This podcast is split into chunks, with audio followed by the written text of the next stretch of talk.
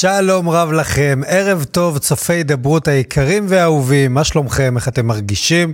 מקווה שבסדר, אנחנו ברוך השם מצוין. אתם על תוכנית הלכה למעשה עם הגאון הגדול הרב ירון אשכנזי, זה התוכנית שעושה סדר בכל נושא הלכתי. אם יש לכם שאלה בהלכה, אם יש לכם איזשהו ספק הלכתי כלשהו, אתם מוזמנים מאוד לשלוח את השאלות שלכם למספר הוואטסאפ שמופיע כעת על המסך, וכאן בשידור, הגאון הגדול הרב ירון אשכנזי ייתן לכם תשובה לכל שאלה הלכתית. מה שנספיק בשידור הזה יהיה ברכה, מה שלא בעזרת השם, בשבוע הבא. אנחנו נתייחס ונעלה את השאלה הזאת, אז תשלחו את השאלות שלכם, אנחנו מחכים לזה. בואו כבר נגיד שלום לכבוד הרב, הגאון הגדול, הרב ירון אשכנזי, ראש קו ההלכה וחבר הוועדה הרוחנית בית צופיה ובארגון הידברות. שלום כבוד הרב. שלום עקיבא, שלום הצופים היקרים. איך כבוד הרב מרגיש? השתבח שם הולד, כשאני פה איתך ביחד, עקיבא. עם הצופים, אין יותר טוב מזה. זה, זה אמת, הרב, זה ודאי הצופים, ואנחנו ככה פעם בשבוע... שבועי. בדיוק, מפגש שבועי, שעה בשבוע, לומדים הלכות, מחכימים ביחד, וזה דבר גדול ומבורך. הרב, בשבוע שעבר ביקשתי מהצופים, היות של נולד לרב נכד, לשלוח הודעות מזל טוב. עכשיו, לא האמנתי לאיזה כמות זה יגיע ולאיזה סדר גודל זה יגיע, באמת הפתעתם, ותודה לכל כן. מי ששלח ושלחה לרב אה, ירון אשכנזי מזל טוב להולדת הנכד. אני לא יכול מטבע הדברים להקריא את הכל, כי יכלה הזמן והמה לא איתנו, ברשותך, אבל... ברשותך, אני גם רוצה להגיד לצופים היקרים שלנו, תודה רבה, שימחתם אותי מאוד. היו הודעות, אה, את כל ההודעות, כמובן עקיבא הראה לי. ראיתי את הכל, שמחתי בזה מאוד. יש גם הודעות uh, מאוד מיוחדות. נכון, אז uh, יש כמה כאלה שבכל מקרה אני, שריגשו אותנו במיוחד ואני רוצה להקריא אותם. אחד מהם הולך כך, מזל טוב. לא, לא, זה לא. זה לא, היה... יש גם הרבה... יש גם הרבה מזל טוב, נכון, אבל אנשים באמת, אה, מזל טוב ורוב בריאות ונחת לרב ירון, השם ישמרנו ויחייהו ושאינו. וברוך השם שיש לנו כזה דבר בדור הזה, תודה רבה.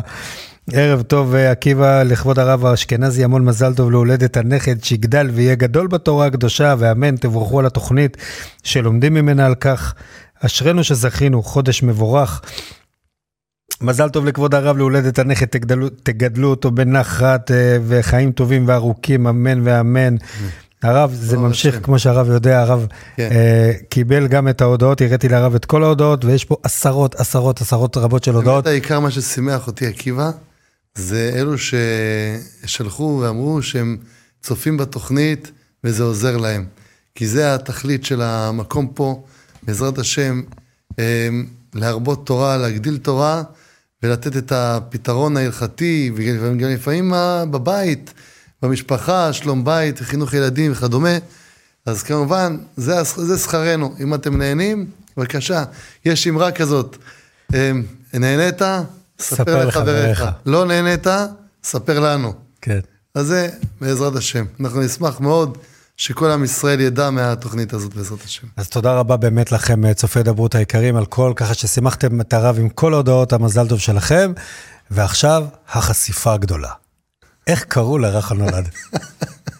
ויקרא שמו בישראל? יהודה ירון. ירון, אני שמעתי ירון הרב, ברוך השם. אני שמעתי ירון. הנה, יש המשך, הרב, זו כן. שמחה גדולה שיש נכד על שמך.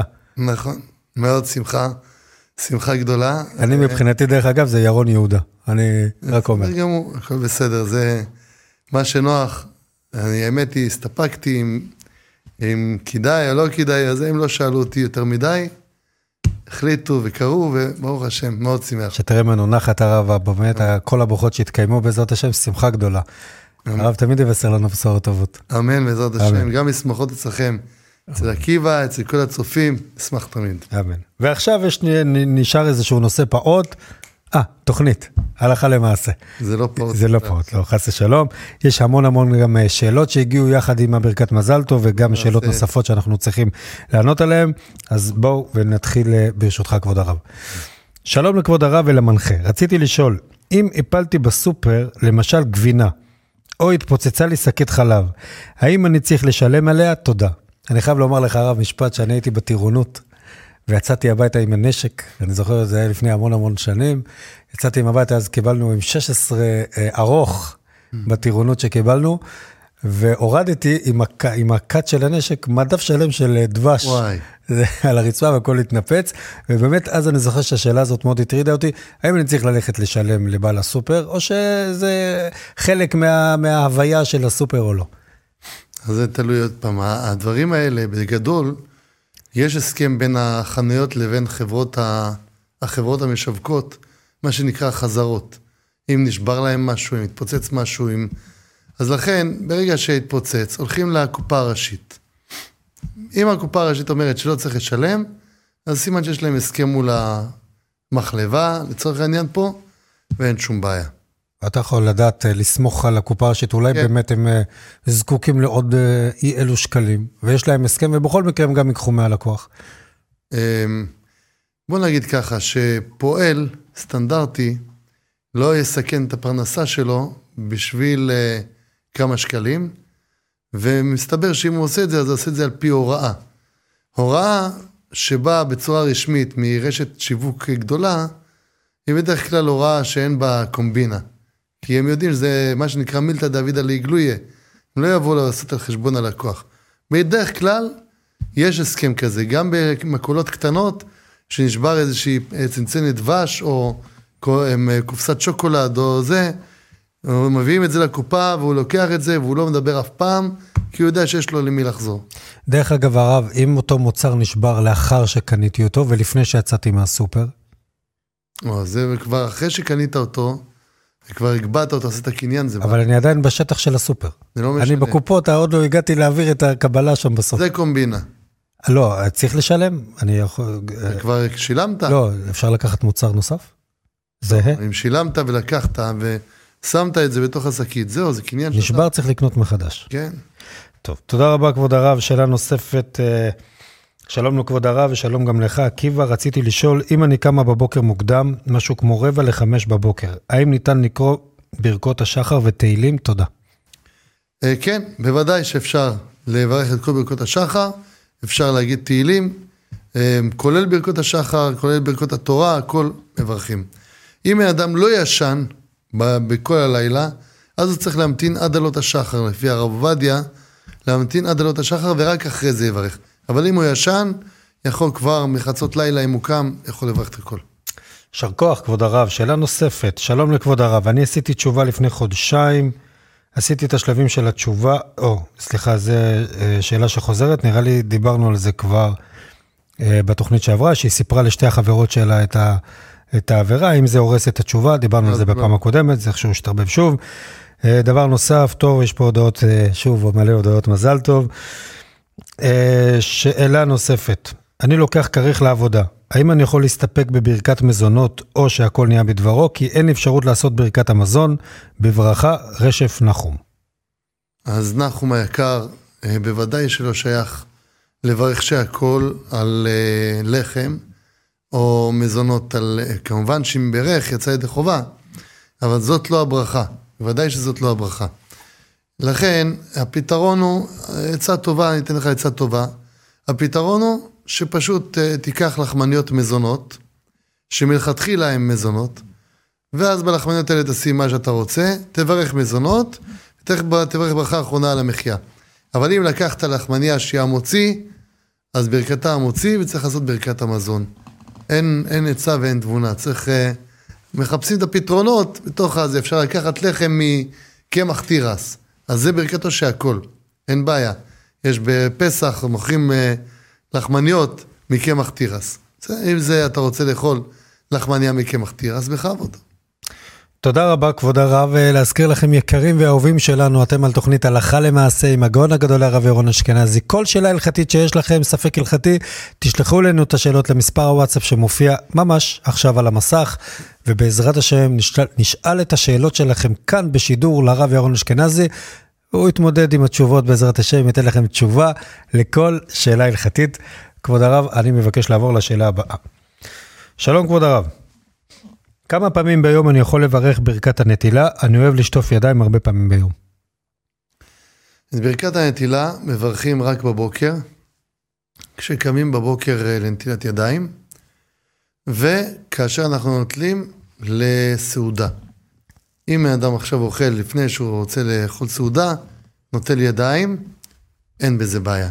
יכול לברך ברכת הנטילת ידיים, כמובן שיש הבדל בין נטילה של בוקר לבין נטילה של סעודה. נטילה של בוקר זה נטילה לסירוגין, שלוש פעמים לסירוגין. נטילה של סעודה, שלוש פעמים על צד ימין, שלוש פעמים על צד שמאל, זה סעודה. בין לבין לא מברכים על נטילת ידיים, אבל אני חייב לומר פה איזה משפט, עקיבא, לידידנו זה ששואל, שאתה מאוד מאוד אוהב לרחוץ ידיים, אבל אני אומר לך רק משפט אחד, אם אתה עושה את זה בכיף, אין בעיה, תעשה את זה כמה שאתה רוצה. אבל אם אתה עושה את זה מלחץ, זה לא טוב. אל תעשה את זה מלחץ. תהנה ממה שאתה עושה. אתה רוצה לשטוף, אין בעיה. גם אני אוהב ללכת לבריכה כל יום. אני אוהב ללכת, אני לא, אני לא הולך, אבל כשאני הולך אני נהנה. אני עושה את זה בכיף, בסדר גמור. אתה נהנה לשטוף ידיים? בסדר גמור. ברגע שזה מתחיל להיות לחץ, שאתה עושה את זה בגלל אה, לחץ, אולי, אולי הידיים טמאות, אולי הידיים לא מספיק בסדר, זה לא, זה לא בריא, וצריך לאזן את זה. ובשביל לאזן את זה כמובן צריך, אה, כדאי ללכת לאיזה מישהו שיעזור לך להיות מאוזן בעניין. בהצלחה. תודה כבוד הרב, איזה רגישות להבין ככה מתוך השאלה, אולי מדובר פה על איזושהי הפרעה, OCD, יש כאילו, שאני יודע גם, אה, לא רק בנטילת ידיים, הרבה פעמים חוזרים על אותו משפט, כי אולי לא אמרו אותו בדיוק נכון, ו- ולצאת ידי חובה בדיוק, לא צריך להילחץ. לא צריך להילחץ, אז לכן באמת, כשבן אדם מודע גם כן לפעמים לבעיה ש- שהוא נמצא בה, זה חצי תרופה. אם אדם לא מודע, הוא כביכול חושב שהוא מדקדק במצוות. זה חשוב לדקדק במצוות, אבל זה ההבדל. אם אתה עושה את זה בשמחה, בכבוד. אם אתה עושה את זה בלחץ, זה לא, לא טוב. יישר כוח כבוד הרב, שאלה נוספת, שלום כבוד הרב, אבא של בעלי נפטר לפני כחודשיים. כל בני המשפחה הקרובה חלמו עליו, ובעלי עדיין לא חלם עליו. למרות שהוא היה הכי קרוב אליו, ומאז שנפטר הוא חושב עליו הרבה. האם זה יכול להעיד על כעס של האבא על בעלי? אדרבה, בגלל שהוא חושב עליו הרבה, אם הוא עכשיו יחלום עליו, אז כנראה זה לא חלום אמיתי. אולי נתחיל קודם כל מזה שכל אחד חולם, רוב החלומות היום, רוב רובם של החלומות הם לא חלומות אמיתיים. הם חלומות שבאים מהמחשבות של הבני אדם. לכן מה שרוב בני המשפחה חלמו, יכול להיות שהם חשבו על זה במשך היום, או שהם היו אחוזים באיזשהו צער מסוים, ואז הם חלמו איזשהו חלום לכאן או לכאן. יש כמה וכמה סימנים לחלום אמיתי. חלום אמיתי, פירושו של דבר, שחלמתי אותו דווקא לפני עלות השחר, יש גם תחושות מסוימות תוך כדי החלום, יש הרגשות, חלום אמיתי אי אפשר להתבלבל. בגדול, רוב רובם של החלומות הם לא אמיתיים. לכן תגידי לבעלך, זה שהוא לא חלם, לא קרה כלום. אדרבה, אולי אבא שלו רוצה, בעזרת השם, להגיע אליו בבוא היום עם חלום אמיתי, לאחר בעזרת השם שיעבור את השלבים הראשונים של הקליטה בעולם העליון. זה לא פשוט. הקליטה הראשונה, יש שבע סוגי דינים שאדם עובר עד הם, אה, ש, שעובר התקופה, שבע סוגים של דינים, כל אחד, לפעמים יש יותר קשים, יש פחות קשים. ברגע שנגמר הדין, הוא כבר הגיע לתיקונו, מסתבר שגם יהיה לו יותר רוגע להגיע וגם לתת מסר ל, לילדים, או למשפחה, או זה. עכשיו, מה שצריך להיות עסוקים, זה לשמח אותו בעולם העליון. צריך להת, להתאמץ, תגידי לבעלך, וזה אני מבקש ממך. תגידי לבעלך, בעלי, תשמע, אתה, אתה רוצה לשמח את אבא שלך? עזוב עכשיו את ההילה של העניין של החלומות. עזוב את החלומות. כן חלום, לא חלום. בוא נעשה משהו שבוודאי אבא ישמח. במה הוא ישמח? עוד שיעור תורה, עוד פרק תהילים, עוד דברים טובים, עוד מעשים של מצוות, הרבה מאוד דברים של קדושה, טהרה, לעשות, להרבות צניעות. אתם בבית תרבו צניעות, תרבו בקדושה, תרבו בטהרה, תחנכו את הילדים על בני התורה. תעשו את הכל לעילוי נשמת האבא, זה בוודאי ישמח אותו, אין שאלה על זה, אני מוכן לחתום על זה. ולהביא לכם את הפתק, שבעזרת השם זה זה ייתן לכם אה, הם, אה, ביטוח לעניין הזה שבעזרת השם זה מה שיפעל על אבא שלכם וזה מה שישמח אותו. ואז בעזרת השם בבוא היום, לאחר ששולחים לאבא הרבה מאוד מצוות והרבה מאוד שמחות, ברור שהוא גם יהיה לו את הפנאי להגיע להגיד תודה רבה. אה, אמת, כבוד הרב, מה שהרב אומר, אין כמו עילוי נשמה, זה דבר היחיד שגם אנחנו יכולים לעשות לנפטר, כי הנפטר לא יכול לעשות כלום בשביל להעלות את הנשמה של עצמו, זה רק אנחנו, העם היהודי שנשאר שם למטה. אבל בכל מקרה, הרב, אני מבקש להתעכב עוד פעם, כי היא שואלת, מה, זה שהוא הגיע לכולם ורק לא לבעלי, זה אומר משהו? לא, כי זה שהוא לא הגיע לכולם, אז אמרתי, אולי כולם אה, היו אחוזים באיזשהם מחשבות, המחשבות השפיעו להם. אין, אין איזושהי השפעה אה, על בעלה, למה הוא לא מגיע אליו, בטח זה לא אומר שהוא כועס עליו או משהו כזה. לא, כי זה אני... יכול להיות בעולם הזה, שאדם כועס על השני או לא מגיע, בעולמות האחרים, בעולם הבא זה דברים... ברשותך, עקיבא, אני רוצה גם קצת לומר ש... לפקפק, שאולי גם האחרים שאמרו שחלמו, אולי זה היה מתוך המחשבות שהם חשבו, ולא בהכרח חלום אמיתי. כי עכשיו, נכון לעכשיו, בשלבים הראשונים של אחרי הפטירה, בדרך כלל אין לנפטר זמן ופנאי להגיע.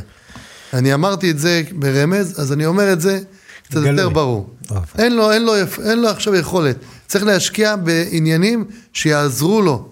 להגיד קדיש, להגיד דברים, לעבוד תורה, לעשות דברים, כדי שיהיה לו בעזרת השם פנאי להגיע. תודה כבוד הרב, אני מבקש לעבור לשאלה הבאה. אה, שלום לעקיבא ושלום לכבוד הרב. יש לי תוכי, חיית מחמד, יש לי כלוב לתוכי. האם מותר להזיז את הכלוב בשבת? להלכה אסור להזיז את הכלוב בשבת, בגלל שהתוכי עצמו הוא נחשב למוקצה. הוא נחשב למוקצה. יש בזה דעות בין הראשונים, שאומרים שעופות המצפצפים בקולם, יש כאלה שאומרים שהם לא מוקצה. להלכה הרב עובדיה ביביע אומר חלק ה' פוסק שגם עופות המצפצפים, שיש להם קולות יפים, גם הם נחשבים למוקצה. לכן לטלטל אותם אסור. אבל לפתוח לו את הכלוב, לתת לו לצאת קצת, לצאת קצת לאור יום, לאוויר, מותר, ואחרי זה אם הוא חוזר, הוא חוזר מעצמו. ומותר אין... לסגור את הכלוב אחריו? אחרי שהוא חזר מותר. זה לא צד? לא, כי הוא כבר ניצוד ועומד. הוא חזר מעצמו. אז חיה שחוזרת מעצמה לבית, אין דין צידה. מה זה ניצוד, איך ניצוד, ניצוד ועומד? ניצוד ועומד. כי היא, התוכי יוצא, אבל הוא חוזר. הוא לא בורח. אם אדם... אני נעלתי לו את האפשרות לצאת עוד פעם. נעלת לו כי אתה לא רוצה שהוא ישגע אותך. לא בגלל שאתה פוחד שהוא יברח. אוקיי. כי כמובן יש סוגי תוכים. יש תוכים שבורחים, אז ברור שאסור להוציא אותם מהכלוב. אבל יש כל מיני יונים, כל מיני דברים שהם חוזרים לשובח בסוף היום. אז חוזרים לכלוב לצורך העניין. אז אין בעיה לסגור אין אחרי. בעיה. אגב, גם במילונה של כלב אפשר לסגור או שלא. תודה. לקשור אותו נגיד חזרה, כן, אין בעיה. אין בעיה. יישר כוח, תודה רבה כבוד הרב. נעבור לשאלה הבאה. אני מתפלל מול ההיכל שהוא לכיוון דרום. זה בסדר להתפלל לכיוון דרום או לפנות למזרח בתפילת שמונה עשרה? אנחנו לא מתפללים למזרח, אנחנו מתפללים לכיוון בית המקדש, ירושלים ובית המקדש. אם נגיד אנשים נמצאים באזור של טבריה לצורך העניין, כי אני חושב שזה טבריה, מתפללים לכיוון דרום. טבריה, בית שאן וכדומה. למה דווקא דרום? כי מזרח נמצא באזור ירדן, ומערב זה כיוון הים, וטבריה וירושלים הם מצפון לדרום. אז מתפללים לכיוון דרום. אז uh, זה, זה התפילה, התפילה לא לכיוון מזרח. אנחנו לא מתפללים לשמש, מתפללים לירושלים. רק מחוץ לארץ, רוב ארצות אירופה, ארצות מערב, הם מתפללים גם uh, מרוקו, כל המקומות האלה שנקראות ארצות המערב, המגרב, הם מתפללים לכיוון מזרח. אבל בהכרח, נגיד במצרים, לא מתפללים למזרח, מתפללים לכיוון אחר. כל אחד לפי עניינו, בכיוון שלו, לכיוון ירושלים. אני רואה פעמים אה, אנשים בבתי הכנסת, בקדיש, הם אומרים, בקדיש יתום, שאנשים המתפללים אומרים, מסתובבים אה, לכל מיני כיוונים. האם גם שם צריך לכוון לכיוון ירושלים? לכתחילה לכיוון ירושלים. הכל, כל התפילות מובילות לירושלים. בוודאי. יפה, זה יש שם מן הסתם עוצמה, בגלל זה הכותל המערבי הרב הוא מקור, כל התפילות פיות. מגיעות לשם. תל שכל פיות פונים אליו. מדהים. שאלה נוספת, שלום כבוד הרב, מזל טוב להולדת הנכד, האם מותר לשתול פרחים בעציץ עם תחתית בשנת השמיטה? עם תחתית באוויר פתוח אסור, אבל אם, אה, אם שותלים אותם בתוך בית, בתוך בית, אז כאן יש בזה מחלוקת כמובן, אנחנו נוקטים להלכה מספק, כל דבר שאתה שותל אותו בתוך בית, יש ספק הירושלמי, ולכן, מכיוון שגם הקרקע מרוצפת וגם יש כיסוי מתחת, אז יהיה מותר. להלכה הרב עובדיה פוסק שבתוך בית מותר. תודה, כבוד הרב. אה, שאלה נוספת שגם קשורה לשמיטה, שלום לכבוד הרב ירון אשכנזי, הגאון הגדול. יש לנו עץ לימונים בחצר פרטית, כיצד יש לאסרו ומה לגבי שנת השמיטה? תודה מראש. הלימונים שעכשיו נמצאים בעצים, עכשיו אני מתכוון אזור ט"ו בשבט, הם לימונים שמסתבר, רוב אה, לפי ההסתברות, הם חנתו אחרי השמיטה. כלומר, אחרי ראש שנה. בדרך כלל ללימון, מהרגע שהוא מוציא פרח עד שהוא מוציא פרי, לוקח בערך חודשיים וחצי, שלוש, למיטב ידיעתי. אם אנחנו מדברים על חודשיים וחצי, שלוש, תגיד לי אם כן או לא, כי אתה אצלך יש בבית אה, יש לימון, לימונים נכון? גם, כן. זה נכון? כן, כמה זה? בערך, שלושה חודשים. שלושה חודשים. ככה מוכן, עסיסי. מוכן עסיסי. עקיבא הוא גם אגרונום, דרך אגב, תדעו מי שצריך אגרונום, הוא מומחה גדול. כן, אז, אה, ממש. כדאי לכם לפנות, לא תקבלו תשובה. אז עכשיו, הלימונים, אם הם חנתו לפני שלושה חודשים, זה היה בתוך כדי השמיטה. אז זה יש בהם קדושת שביעית כבר. אז יש כמה פרטים לפירות שיש בהם קדושת שביעית. מותר לי להשתמש, כמובן, בפירות שביעית, אבל, א', אני צריך להפקיר את הפירות. איך אני מפקיר את הפירות?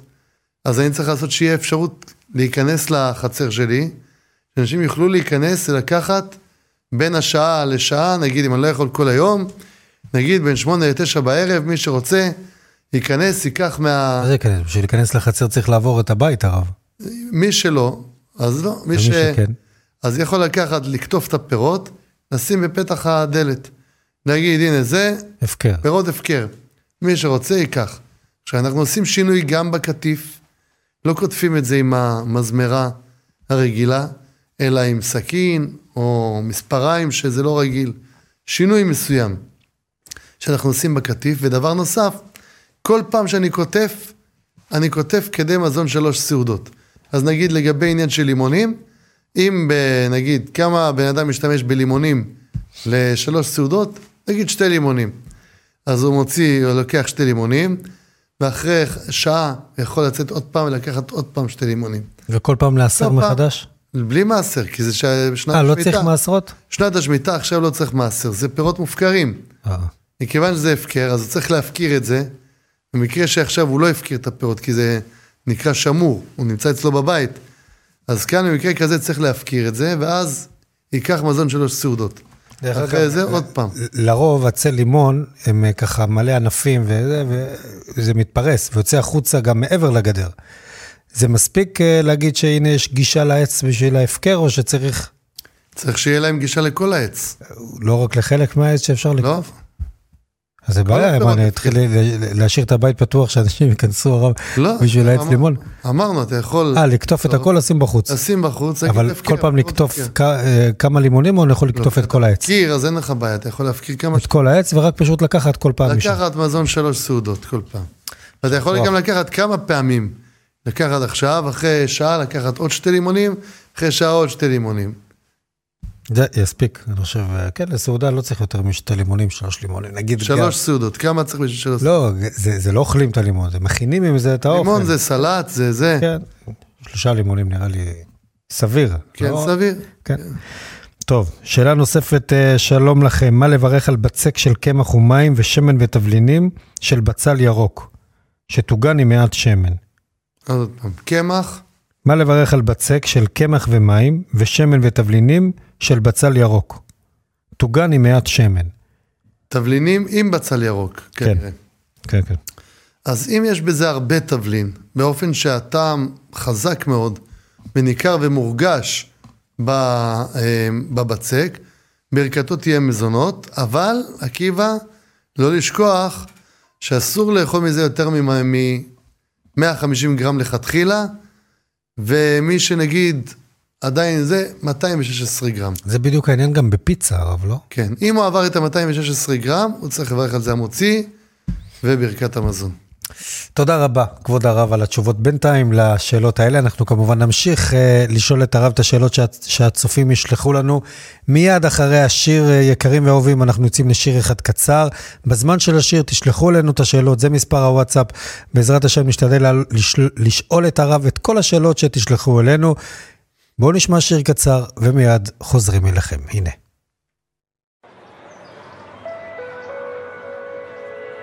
תשאלו אותי, תשאלו אותי מי אני. על מה אני חושב ביום וגם בלילה. תשאלו אותי, תשאלו אותי, אני יהודי. על מה אני חושב, אגיד לכם. תשאלו אותי, תשאלו אותי מי אני. על מה אני חושב ביום וגם בלילה? תשאלו אותי, תשאלו אותי, אני יהודי. על מה אני חושב, אגיד לכם. אני חושב על ירושלים אני חולם על המשיח שיבוא. אני חושב על ירושלים עיר הקודש, אני חולם על המשיח שיבוא.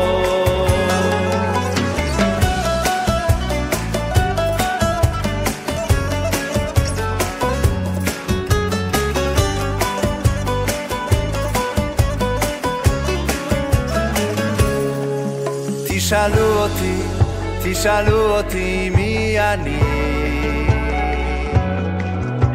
על מה אני חושב ביום וגם בלילה? תשאלו אותי, תשאלו אותי, אני יהודי. על מה אני חושב, אגיד לכם אני חושב על ירושלים עיר הקודש. אני חולם על המשיח שיבוא. אני חושב על ירושלים עיר הקודש. אני חולם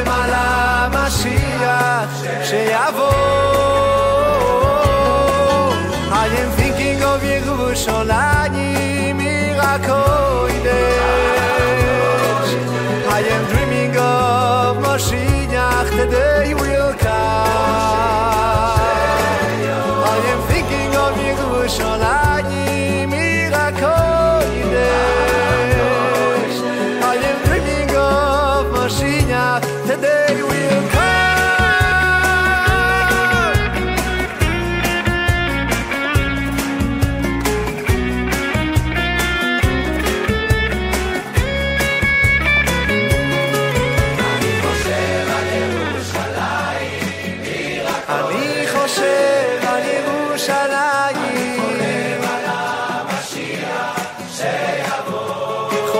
חולם על המשיח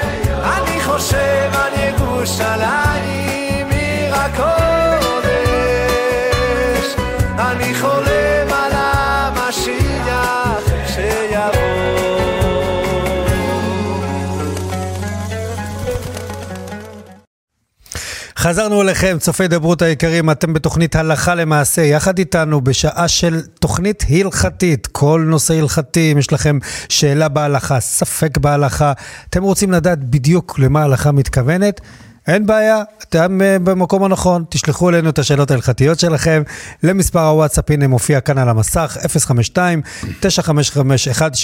052-955-1624 זה מספר הוואטסאפ, ובעזרת השם הגאון הגדול הרב ירון אשכנזי יענה לכם ויעשה לכם סדר בנושא ההלכתי, וככה תסירו ספק מלבכם. בואו נגיד שוב שלום לכבוד הרב, שלום וברכה. שלום וברכה, עקיבא. הרב, משהו חדש ב- ב- מאז ההפסקה של השיר? כל שנייה מתחדש, כתוב, המחדש בטובו בכל יום תמיד. כן, זה לא ייאמן. לכל שאלה יש לרב תשובה, אי אפשר להתקיל את הרב. הכל ברוך השם, וכל שאלה תשובה. אה, השם יעזור. שלא. נטעה. כבוד הרב, אני מבקש לעבור כבר לשאלה הבאה, אה, וזה הולך כך. אם אכלתי עוגייה אחת עם קפה בבוקר, האם עליי לברך בורא נפשות? אז נראה לי עוגיה- שצריך לברך בורא נפשות כבר על הקפה על הדרך, לא? לא. השאלה איך הוא שתה את הקפה. אם הקפה הוא שתה אותו כנראה בלגימות, לגימה לגימה, אין בורא נפשות על קפה ששותים אותו לא רביעית בבת אחת. צריך לשתות רביעית, ואז לברך. עכשיו, לגבי העוגייה, היא כנראה, כנראה הוא מתכוון ל- על המחיה. כי עוגייה זה מזונות. מזונות, זה שמברכים על זה על ברכת מעין שלוש על המחיה. אז תלוי איזה עוגייה. יש עוגיות עקיבא עוגיות ביס, יש עוגיות, עוגיות, יש קרואסונים, יש, תלוי. אם יש 27 גרם בעוגייה, מברך על המחיה. אם אין 27 גרם, לא מברך. תודה, כבוד הרב. שאלה נוספת, קיים מניין בגינה בין הבניינים ששכ... ששכנים מתנגדים כי זה מפריע. וכן רב השכונה פסק שזה גזל, אם לא כל הדיירים חותמים, שיהיה את אותו המניין. בתי כנסת אה, לכולם יש מסביב לשכונה במבנים ומחלוקות אה, ממשיך כקורח בגינה. האם צריך או מותר לענות אמן או לקדיש, או אם בכלל בהזדמנות להצטרף למניין הזה. אני אחדד את השאלה, מדובר במניין שכל כולו מחלוקות, התושבים מתנגדים, הרב גם אמר שלא לעשות מניין שלא, אין שם אחדות. האם שלענות קדיש או אמן או להתפלל במניין שכזה? לא, חד משמעי.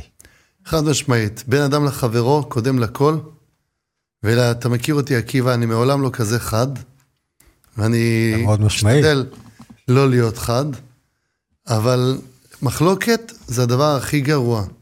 זה הדבר שהקדוש ברוך הוא הכי הרבה שונא ולא סובל, ועם ישראל כל השנים סובלים בגלל מחלוקות. ובזמן דוד המלך היו גדולי ישראל, כולם היו גדולים בתורה, כולם היו גאונים. יהדות התורה, יודע, היה סנהדרין, היה הכל. אבל היו הולכים למלחמות, וחס ושלום ניגפים. היו מנצחים, אבל חוזרים חללים. למה? כי הייתה מחלוקת.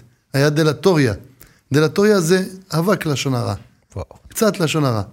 לעומת זאת, בזמן אחאב הרשע, שהיו עובדים עבודה זרה, והייתה אחדות בעם ישראל, שכשהם, אה, עובדיה הנביא החביא מאה נביאים, אף אחד לא הלך להלשין לאחאב, ולהגיד לו, הנה, תראה, עובדיה מחביא נביאים. ובזכות זה היו יוצאים ומנצחים. אז מחלוקת זה הדבר הכי גרוע. זה לא מצווה, כל המניינים האלה.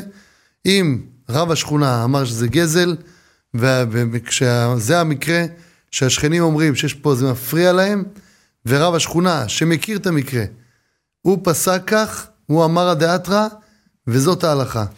האם אפשר הרב לומר על מקרה כזה, אדם שכן מתפלל או כן עונה אמן, את המושג טובל ושרץ בידו? זאת אומרת, אדם שנמצא במקווה טהרה על מנת להיטהר, אבל הוא טובל עם, ה- עם השרץ, מה שגרם לו בעצם אה, לטבילה. זאת אומרת, הוא לא עשה בזה כלום במילים אחרות. כן, אה, ברור שזה זה לא הדרך, נכון? ברור שזה לא ראוי. אדם שהולך ומצייר את האחרים בזמן ש, שהוא הוא כביכול מתפלל, הוא צדיק גדול, אבל הוא מצייר אחרים, לא עשה. מתחשבן בשמיים. תודה, כבוד הרב, על ההנהגה והדרך שהרב אה, ככה אומר לנו כל תוכנית ותוכנית, תמיד כיף לשמוע את הרב בהנהגה הזאת. ואני חייב לומר לך, הרב, שאני בטוח שגם הצופים ככה שומעים ונהנים, כמו שאנחנו גם רואים מההודעות שלהם, אבל גם אני, הרב, עבדך הנאמן, שומע מהרב, ובאמת מאמץ את הדרך הנעימה והראויה לשבח של הרב, באמת יישר כוח על. הדברים. יישר כוח, זה, אני מחזיר אור שלך. אנחנו, אה, הרב ימשיך, אני מקבל את האיסורים באהבה. שלום כבוד הרב, הבת שלי לא גרה בביתנו, ופעם בשבועיים באה אלינו לשישי שבת. הבת שלי אימצה כלב, ורוצה לבוא אלינו עם הכלב. אני גר בבניין גבוה ואין לי חצר. אני האב והאם לא אוהבים כלבים, וגם אני יודע שלפי ההלכה אסור להכניס את הכלבים לבית. אנחנו ההורים רוצים שביתנו תבוא אלינו בלי הכלב. מה עושים? אם הוא היה שואל אותי על ילדה שהיא בת אה, שנתיים, שלוש, ארבע, עשר, הייתי אומר, אתה יכול לכפות על הבת שלך מה שאתה רוצה. נכון להיום, הבת שלך גרה במקום אחר, יש לה דעות משלה, יש לה הנהגות משלה. אנחנו בתור הורים צריכים לעשות את השיקול שלנו רווח מול הפסד. אם אנחנו נעמוד על כל דבר אה, כייקוב הדין את ההר, אנחנו עלולים להפסיד את הילדים שלנו. לכן עצה טובה אני אציע לך. זה ברור, גם אני אישית לא אוהב שיהיו לי כלבים בבית, אני מאוד מזדהה עם מה שאתה אומר, אני גם לא מתחבר לזה. אתה לא אוהב שיש לך כלב בבית, זה לא אסור על פי ההלכה. אין איסור, אם הכלב הוא לא כלב רע, אין איסור לגדל כלב סתם, כלב מחמד בבית. יש אומרים שלא כדאי לגדל חיה טמאה בבית, אבל לצורך, בוודאי לצורך רפואה, וקל וחומר שיש פה עניין של שלום בית ושלום בין ההורים לילדים, בוודאי שאין איסור לגדל או לאחסן את הכלב במשך היממה. אם הבת היקרה רוצה לצאת איתו לטיול, לרדת מהקומה שמונה, לא יודע מאיזה קומה אתה גר, היא רוצה לרדת מקומה שמונה לטיול בבוקר, שיעשה את הצרכים ויחזור, זה בסדר גמור. אני מציע, עקיבא, פשוט על דבר שהוא לא אה, קריטי, מבחינה הלכתית, לא לעמוד. יש לנו מספיק על מה אנחנו צריכים לעמוד, ומה אנחנו צריכים לחנך את הילדים שלנו, ש, שעליהם אנחנו לא נוותר. חבל לבזבז את זה על דברים שאחרי זה הילדים יתרחקו מאיתנו. תודה רבה, כבוד הרב. יישר כוח על התשובה הזו, ואני מבקש לעבור כבר לשאלה הבאה. שלום הרב, מזל טוב גדול להולדת הנכד שפע, אושר ונחת. שאלה, יש לי ילדה שגרה בתל אביב ואנחנו ההורים בעיר אחרת, היא עדיין לא נשואה. אני רכשתי קמע של רבי שמעון בר יוחאי וציצית לזיווג הגון וציצית. היכן אני... זיווג הגון. אה, כן, זה כתב פעמיים את הציצית. היכן אני שומרת את הקנייה ואת הציצית? אצלה או אצלנו ההורים? הקמע בדרך כלל, אה, קודם כל, לגבי הקמע, אם כבר שאלה, אז צריך לדעת שצריך אה, לדעת גם מאיפה לקנות קמעים. לא מכל מקום קונים קמעים, צריך שיהיה, איך אומרים, שאת יודעת שאת קנית ממקום ש... שהוא אמין.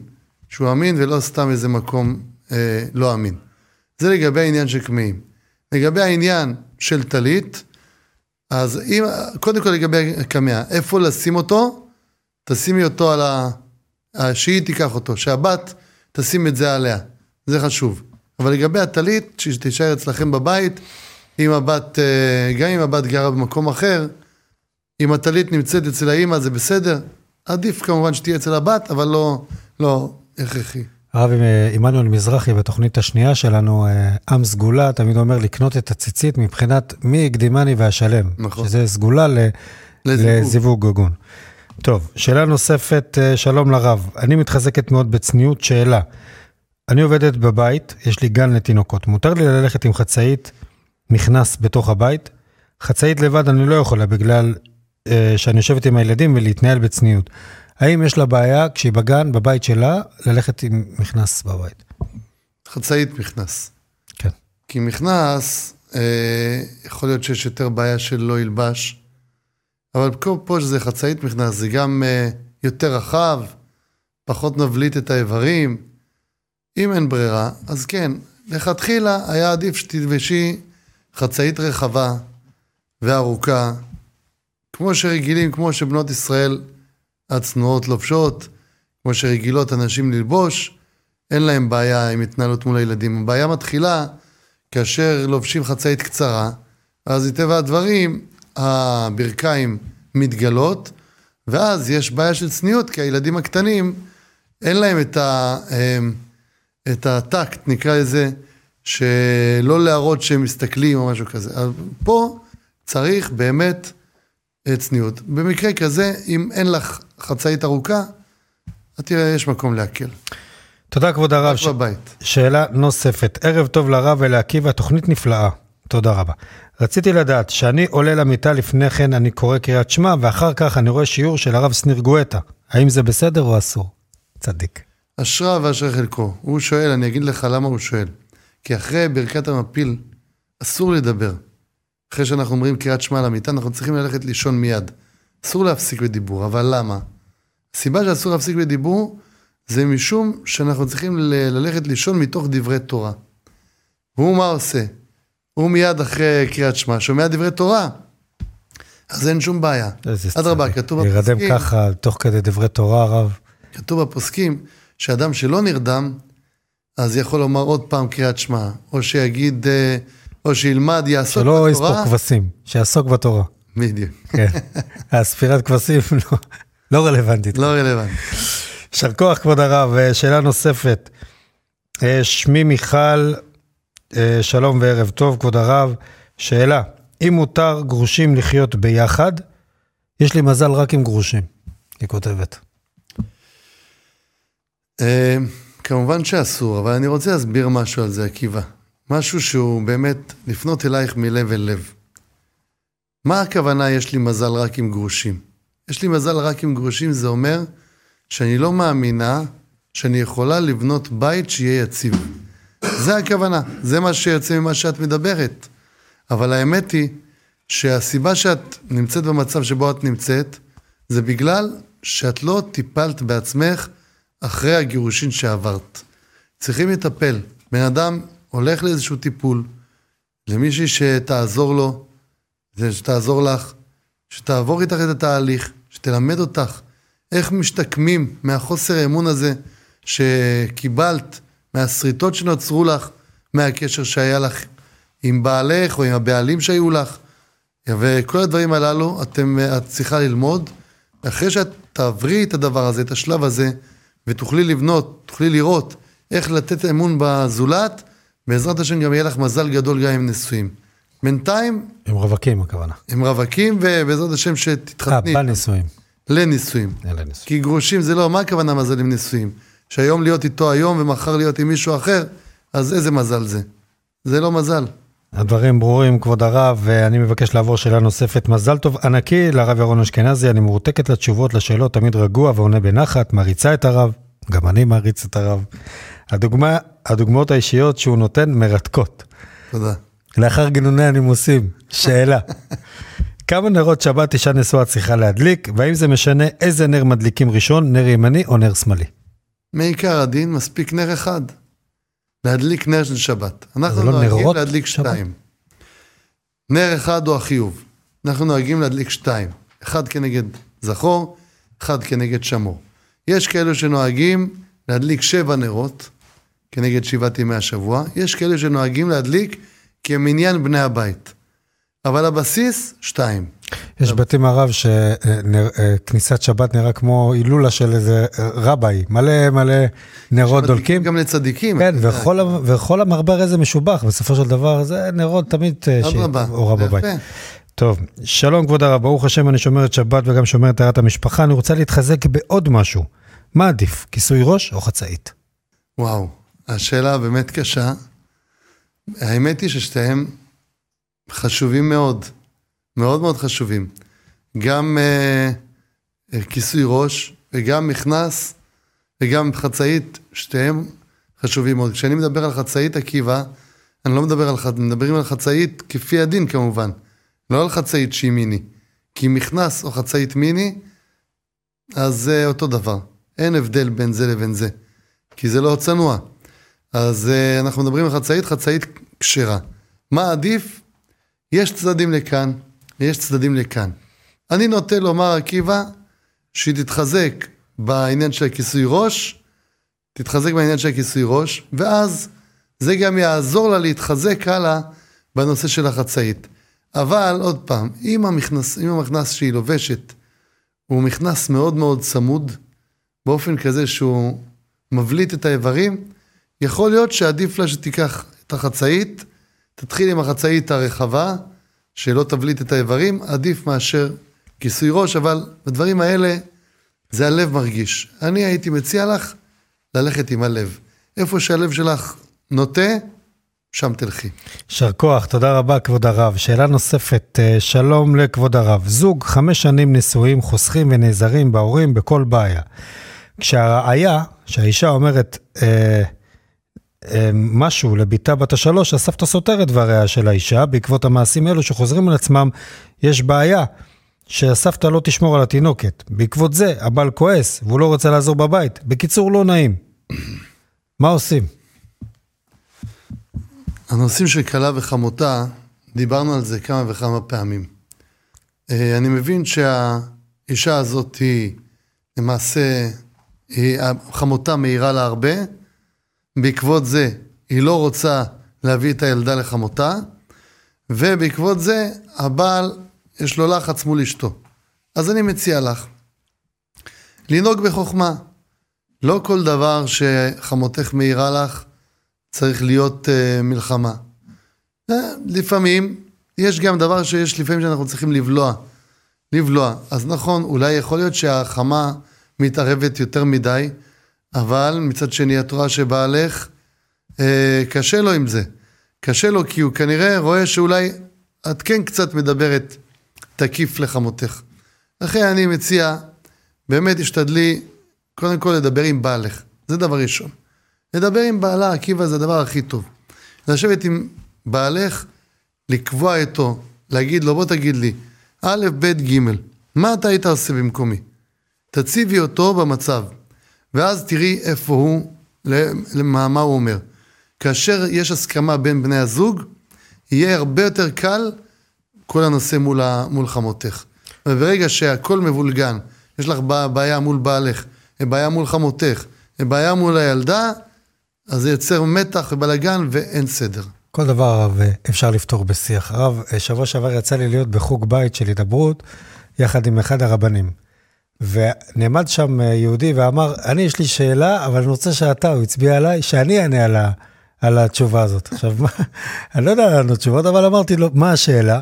הוא אמר, מה זה שכתוב בתורה, אל תרבה שיחה עם האישה? מה, אני כבר לא יכול לדבר עם אשתי? אמרתי לו, לא, לא, לא הבנת. זה אל תרבה לדבר אליה, יותר תקשיב לה. זה התשובה. זאת אומרת, לפעמים בשיח ובהקשבה ולהבין אחד את השני, מגיעים ל- ל- ל- לתוצאה הנכונה והטובה ביותר. יפה מאוד, ממש יפה. תודה. אה, ברוך. יישר כוח, תודה כבוד הרב. וככה לסיום ממש, אנחנו ממש, יש עוד המון המון שאלות, לא הספקנו להעלות את כולם. בעזרת השם בשבוע הבא נתחיל עם השאלות שלא הספקנו להעלות. אבל לסיום אני מבקש אה, את השאלה האחרונה. אה, מזל טוב לכבוד הרב, וברור שבעזרת השם תזכו לגדלה, לגדלו בנחת, עושר ובריאות שעשה ביקר והצדיק, מלא מאור הפנים ובנעימות ובשלווה, שקדוש ברוך הוא ישמח אתכם תמיד. ועכשיו השאלה, מדוע גם מי שמדברים עליו לשון הרע נענש? בדרך כלל מדברים מתוך קנאה. לשון הרע, כתוב שהוא הורג שלושה. הורג את המספר, הורג את מי ששמע, והורג את מי שדיברו עליו. כך אומר המדרש תנחומה בפרשת אה, מצורע, על הפסוק זאת תהיה תורת המצורע. אומר המדרש שהוא הורג שלושה, מאיפה לומדים את זה? דוד המלך ברח משאול המלך, הוא הגיע לנוב עיר הכהנים. הוא ראה את הכהן הגדול, אחימלך. הוא בא לאחימלך, אמר לו, דוד המלך עמד לפני בולמוס, עמד לאבד את ההכרה. אמר לאחימלך, אני חייב לאכול. אחימלך בלי לחשוב, מהר מהר ראה שהוא נמצא בבולמוס, נתן לו מבשר הקודשים, וגם הביא לו את החרב של גוליית. כי הוא אמר לו, אני צריך חרב, והוא חשב שהוא הולך בשליחות המלך, נתן לו את החרב של גוליית. דואג האדומי ראה שאחימלך נותן לדוד המלך את החרב ומאכיל אותו. רץ וסיפר את הלשון הרע הזה לשאול המלך. מה קרה בעקבות זה? שאול המלך הרג את אחימלך, זה מי שדיברו עליו. ואחרי זה דואג האדומי, גם כן, כתוב לא יחצו ימיהם, הוא נהרג בחצי ימיו, ושאול המלך, שנהרג במלחמה מול פלישתים, היה על הדבר הזה, אז זה הורג שלושה. זאת אומרת, זה שדיברו עליו, הוא לא נהרג בגלל שהוא נענש, אלא זה העונש שעושים לו פה בעולם הזה, מסכן. מדברים עליו בלשון הרע, הוא נהרג. אבל זה לא עונש שהוא קיבל, כאילו בגלל שהלשון הרע, אלא הלשון הרע פגע בו, כי הוא פוגע בו בהכרח, ושניים נענשים. כלומר, זה שדיבר, הרג את הבעל הלשון הרע, את, ה, את הבעל הסיפור. הוא הרג אותו. בעקבות זה נענשים המספר והשומע. יישר כוח, אה, תודה רבה כבוד הרב שנזכה לדבר עליי בעיקר, תמיד לדבר בלשון הטוב ולהתרחק בכמה שיותר מלשון הרע. יישר כוח גדול הרב על התוכנית הנפלאה שהרב היה כאן איתנו. שוב, הרבה הרבה מזל טוב ונחת ושמחה מירון. ירון. יהודה ירון. יהודה ירון. מיהודה ירון הרב. תודה רבה על הכל, השם ישמור אתכם. תודה רבה לכם, צופים יקרים ואהובים שהייתם איתנו כאן בשעה הזאת, שעה הלכתית. כל מי ששלח הודעה, בעזרת השם נשתדל אה, להעלות את התוכנית, את השאלה הזאת אה, בתוכנית הבאה. וגם מי שלא שלח הודעה וככה ישב בבית ושמע אותנו בתוכנית הזאת, תודה רבה שהייתם איתנו, זה מרגש באמת כל פעם מחדש. תודה לריבון העולמים על הזכות להיות איתכם מדי שבוע בשבוע. תודה רבה לעוז כהן ומוריה עטיה שנמצאים מאחורי הקלעים ודואגים שהתוכנית תצא בצורה הטובה ביותר. נתראה בעזרת השם ביום שני הבא בשעה תשע בערב. עד אז, שמרו על החיוך.